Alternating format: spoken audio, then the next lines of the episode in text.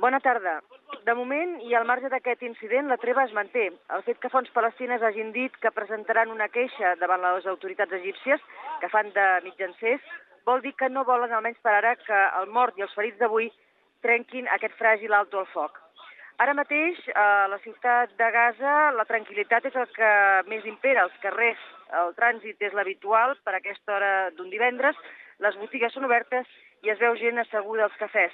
També hem tingut ocasió d'assistir al funeral d'un dels màrtirs d'aquests uh, últims dies que ha deixat una vídua i tres fills, el més petit de 20 dies.